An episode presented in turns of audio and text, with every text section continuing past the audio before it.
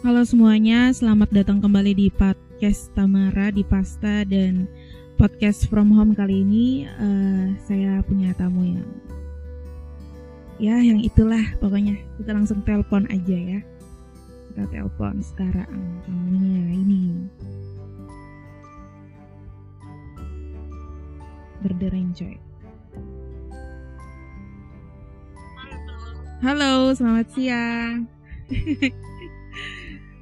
Oke, okay, uh, eh, jadi uh, beta sekarang lagi se, se record nih. Jadi beta tadi baru habis opening, terus dia langsung telepon telepon seseorang. Nanti yang seseorang ini teman-teman nanti dia yang akan memperkenalkan dirinya dirinya dia ke lu semua ya. Oke. Okay. Coba silakan diperkenalkan dirinya. Halo semuanya. Uh, beta pun nama Gangga. Iya. udah udah. Oke. Oke teman-teman. Gak uh, Gangga ini uh, dulu dia beta pun teman SD jadi kata dua dulu SD kici-kici sama-sama. Nah cuman kan sekarang uh, Gangga juga sudah menempuh pendidikan sampai di strata satu kemarin di sarjana kedokteran. Nah kita kan tadi sebelum uh, sebelum record uh, podcast ini kan masih apa WhatsApp ini beta harus panggil dokter Gangga atau Gangga. Ini sebenarnya bisa di, sudah sudah disebut dokter apa belum? Mungkin Gangga bisa kasih jelaskan di teman-teman yang mungkin uh, masih uh, apa masih punya banyak pertanyaan begitu soal sarjana kedokteran sebelum kita masuk di hal-hal yang lain. Oh iya iya. Boleh boleh.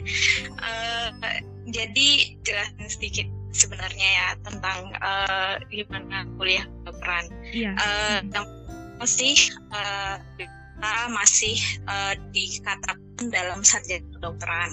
Hmm. Belum bisa dibilang dokter karena masih belum uh, mengikuti ujian UKMPPD, di mana itu harus mengikuti ujian itu baru bisa mendapatkan gelar dokternya.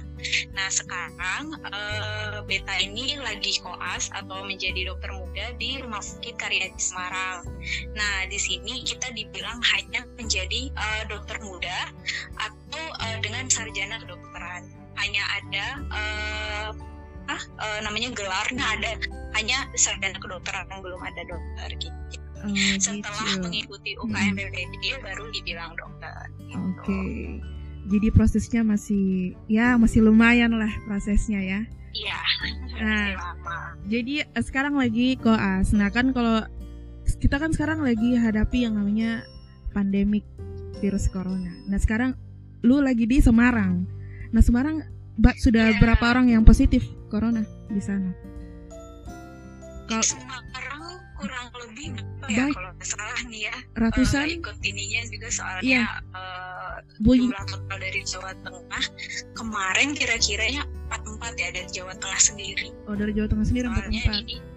Iya kalau tidak salah ya soalnya kan uh, tiap dia ada perkembangannya sendiri. Tapi kalau di uh, pemberitaan luas itu seluruh Indonesia untuk Jawa Tengah sendiri uh, belum ada data yang kayak langsung tiap hari berapa hmm, data hmm, yang meninggal, yeah, yeah. berapa yang sakit hmm. kayak gitu enggak karena kan dinamis semuanya rumah sakitnya juga pasti tiap hari uh, ada kabar sendiri orang yang positif atau orang yang meninggal hmm, berapa hmm. jadi hmm. belum ada yang lebih spesifik tiap provinsi. Nah, Gangga dari dari apa ya bisa dibilang sudah masuk di red zone kan dan dan Gangga ada di sana sekarang dan yeah. uh, di apa maksudnya gimana hari-harinya di sana ketika ada yang banyak terjangkit uh, virus ini tuh gimana di sana kan kalau di Kupang kan kemarin baru satu dan satu, baru iya. satu yang positif dan itu jujur di sini banyak lumayan yang panik. Nah kalau Gangga sendiri yang di sana yang, ya?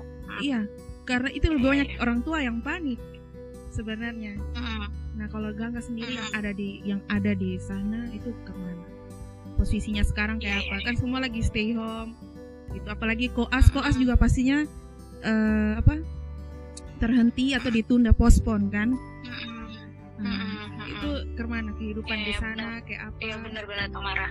Uh, di sini uh, jujur ya semua itu uh, langsung meledak. Gimana gimana sama kayak kan di ini dalam area Jawa Jawa Barat, Jawa Timur, Jawa Tengah, di mana itu orang-orang yang sangat banyak populasinya dibandingkan NTT gitu, dibandingkan daerah timur. Nah di sini awal-awal terdengar adanya positif corona pun dan itu uh, dan itu masih koas di rumah sakit Karyadi. Nah awalnya itu memang uh, ngeri juga sih kayak setiap ada yang datang itu kayak ini kayaknya suspek deh ini ada suspek deh suspek suspek. Jadi banyak banyak mendengar suspek tapi koas masih berjalan. Masih hmm. uh, sebagai dokter muda. Yang lain? kayak hari biasa gitu hmm. kayak hari-hari biasa gitu dengar kalau ada suspek ini suspek ini dan tiba-tiba di hari apa ya hari Sabtu hari Minggu gitu dari uh, rumah sakit Karyadi ini sudah bilang ada dua atau tiga orang yang positif corona hmm. nah itu emang panik sih semua dokter muda apalagi ya panik hmm. apalagi ada residen di sana hmm, uh, apa namanya dokter spesialis jadi semuanya serba panik gimana di sini pun langsung kayak oh uh, ini ada yang positif nih semuanya harus hati-hati jadi hmm hanya jauhkan dari kondisi uh, kita terpapar itu ya dari ini dulu dari rumah sakit. Belum ada ketentuan koas atau dokter muda libur belum. Jadi kita diwajibkan Lanjut, masker oh, cuci ya, tangan.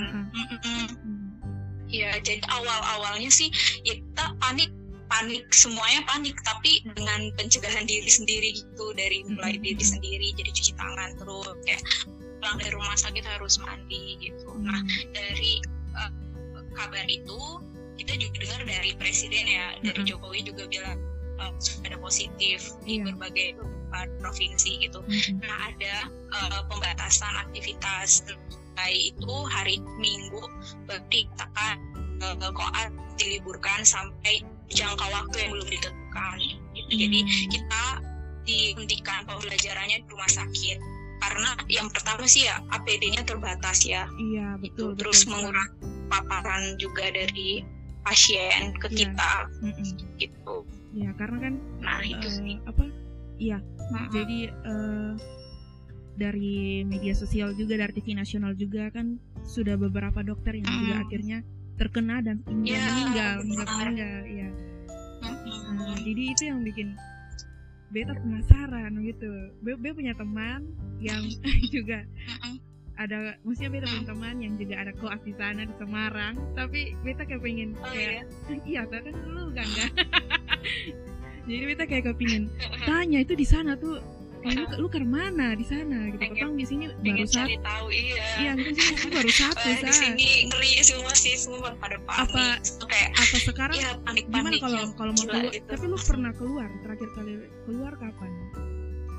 Terakhir kali keluar. keluar hanya beli makan beli bahan-bahan makanan. Itu sekali dalam satu minggu lebih dikit gitu untuk uh, dalam kebutuhan satu minggu atau dua minggu di kawas swalayan sudah itu ya udah di rumah saja tidak boleh ke mana-mana dan itu ya itu sih harus menerapkan aturan pemerintah juga kan supaya memutuskan dari mata rantai uh, virus corona. Iya benar.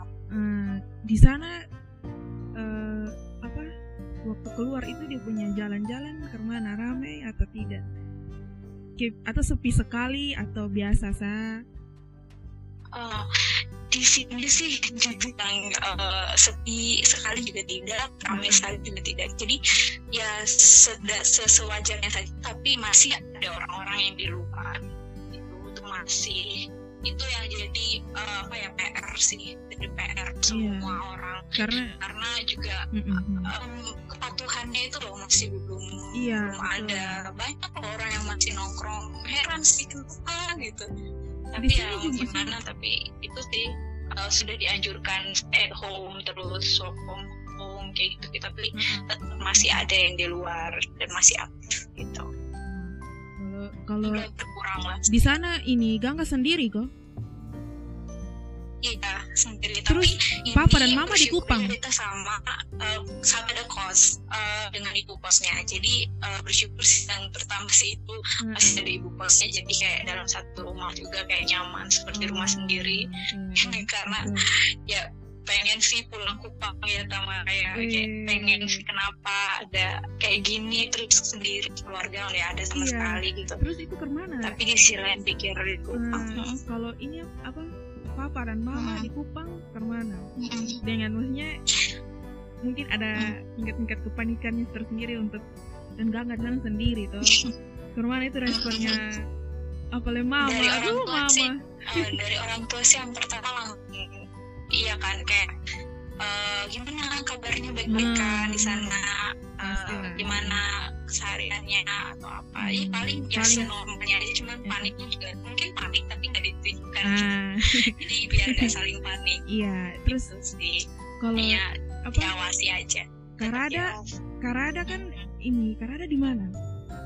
Di karena ada sekarang di Kupang. Oh karena ada di Kupang, di Kupang. karena ada iya karena ada dokter di uh, selesai selesai. Hmm. wih deh dan lu sendiri di sana kan enggak aduh. Tapi sana apa-apa. Tapi sana apa-apa lah. Buktinya ya, bisa lewati sekarang tapi ya, uh. oke okay, um, dari terus yang uh, koas berarti semuanya seluruhnya lewat online? Seluruhnya? Online. Tapi masih proses online. proses yeah. uh, apa? Koas itu kayak proses kuliah kembali atau belajar kembali tuh ya maksudnya? Koas koas itu uh, memasuki kita masih mahasiswa di mana masuk ke tahap profesi gitu nah, dulu kan uh, untuk sarjana kedokterannya untuk uh -uh. dapat uh, gelar itu. Gelar. Nah, untuk mengambil dokternya ini harus kuliah lagi. Nah, bukan kuliah sih dikatakan kayak magang. Magang, internship di mana gitu. kita harus uh, melalui ini baru mengikuti ujian baru mendapatkan gelar dokternya. Uh, itu itu hmm. itu belajar online.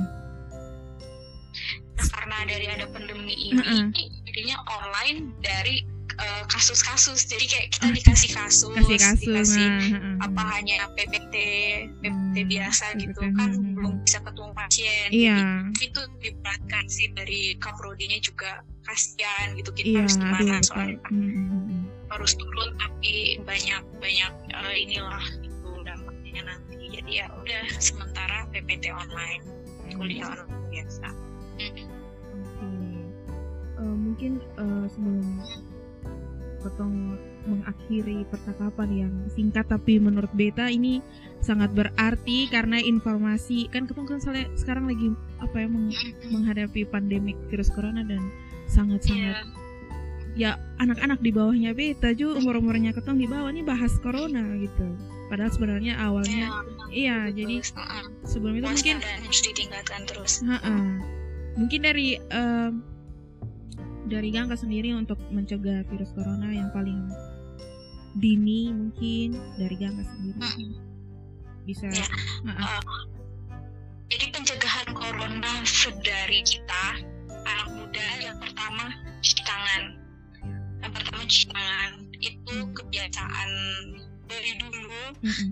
tapi yang dilupakan gitu kan jadi kebiasaan cuci tangan yang ber yang ada enam langkah itu harus diajari harus diulangi terus uh, cuci tangan yang benar jadi bukan bukan bukan hanya asal cuci tangan tapi cuci tangan yang benar hmm. jadi biar uh, bekerja juga apa yang kita lakukan juga efektif gitu nah terus yang kedua uh, ini mungkin random gimana ya uh, penyusunannya gimana okay, ini okay. yang kita harus lakukan makan gitu. Yang pertama bisa cuci tangan terus yang kedua makan makanan yang uh, bergizi. Tadi terputus kan kak makanan iya, tadi iya, iya. lebih baik makan makanan yang bergizi.